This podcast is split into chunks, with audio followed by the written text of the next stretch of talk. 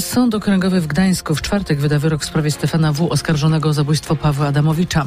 Z Polski ma wyruszyć grupa medyków, którzy zaproponują leczenie byłego prezydenta Gruzji Sekaszwilego. To była jedna z najgłośniejszych i najchętniej zwiedzanych wystaw od dekad. Chodzi o wystawę Łępicka w Muzeum Narodowym w Krakowie.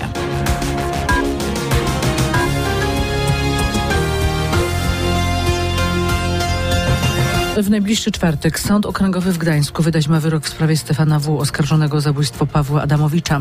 W sądzie zakończyły się mowy końcowe. Wszystkiego wysłuchał nasz reporter Kuba Kaługa. Kubo, co wydarzyło się na sali i o jaką karę wniosły strony? W uproszczeniu o karę łączną dożywocia wykonywaną w systemie terapeutycznym bez możliwości wcześniejszego ubiegania się o zwolnienie przez 40 lat. To główne wnioski z mowy prokuratury. Poparli ją wszyscy oskarżyciele posiłkowi, także Piotr Adamowicz. W sądzie pierwszy raz na procesie była też Magdalena Adamowicz. Jak mówiła, nie przyszłaby, gdyby Stefan W. wyraził wcześniej skruchę. Stoję dziś naprzeciw tego człowieka po raz pierwszy i mam nadzieję, że ostatni. Mimo, że napawa mnie to olbrzymim lękiem. Muszę tu stać, by żądać się sprawiedliwości, mówiła wdowa po prezydencie Adamowiczu. Na koniec głos zabrał pierwszy raz tak obszernie Stefan W. Sam stwierdził o sobie, że jest najbardziej poczytalny w Gdańsku. Winą za wszystko obarczył m.in. Zbigniewa Ziobro, który, jak mówi, zmusił prokurator do oskarżenia go, a na jego winę według Stefana W. dowodów nie ma. Zdanie sądu w tej sprawie i wyrok poznać mamy w czwartek. To ostatnia szansa na ratunek. Kolejnej nie będzie, mówi w rozmowie z naszym dziennikarzem adwokat Michaiła Saakaszwilego. Były prezydent Gruzji przebywa w jednoosobowej celi szpitalnej z wysoką gorączką. Jak przykazał nam prawnik, z Polski ma wyruszyć grupa medyków, którzy zbadają i zaproponują leczenie byłego polityka w naszym kraju. Ze szczegółami w faktach reporter RMFFM Mateusz Chłystą. Dzień, Dzień dobry. dobry. Mateuszu, co jest potrzebne, by lekarze mogli jechać do Gruzji? No przede wszystkim rząd, zgoda rządu tego kraju, której nie ma, bo jak usłyszeli pełnomocnicy Michaiła Saakaszwilego, ze względu na niedawne protesty w kraju, nikt nie miał czasu, by rozpatrzyć tę prośbę. Rząd będzie robił wszystko, żeby nie dopuścić polskich lekarzy, bo cały świat dowie się wtedy, co tam się dzieje i jak go w cudzysłowie prawidłowo leczą. Powiedział mi adwokat Michaiła Saakaszwilego Szałwa Haczapuridze. Były prezydent Gruzji ma trudności z poruszaniem się i mówieniem.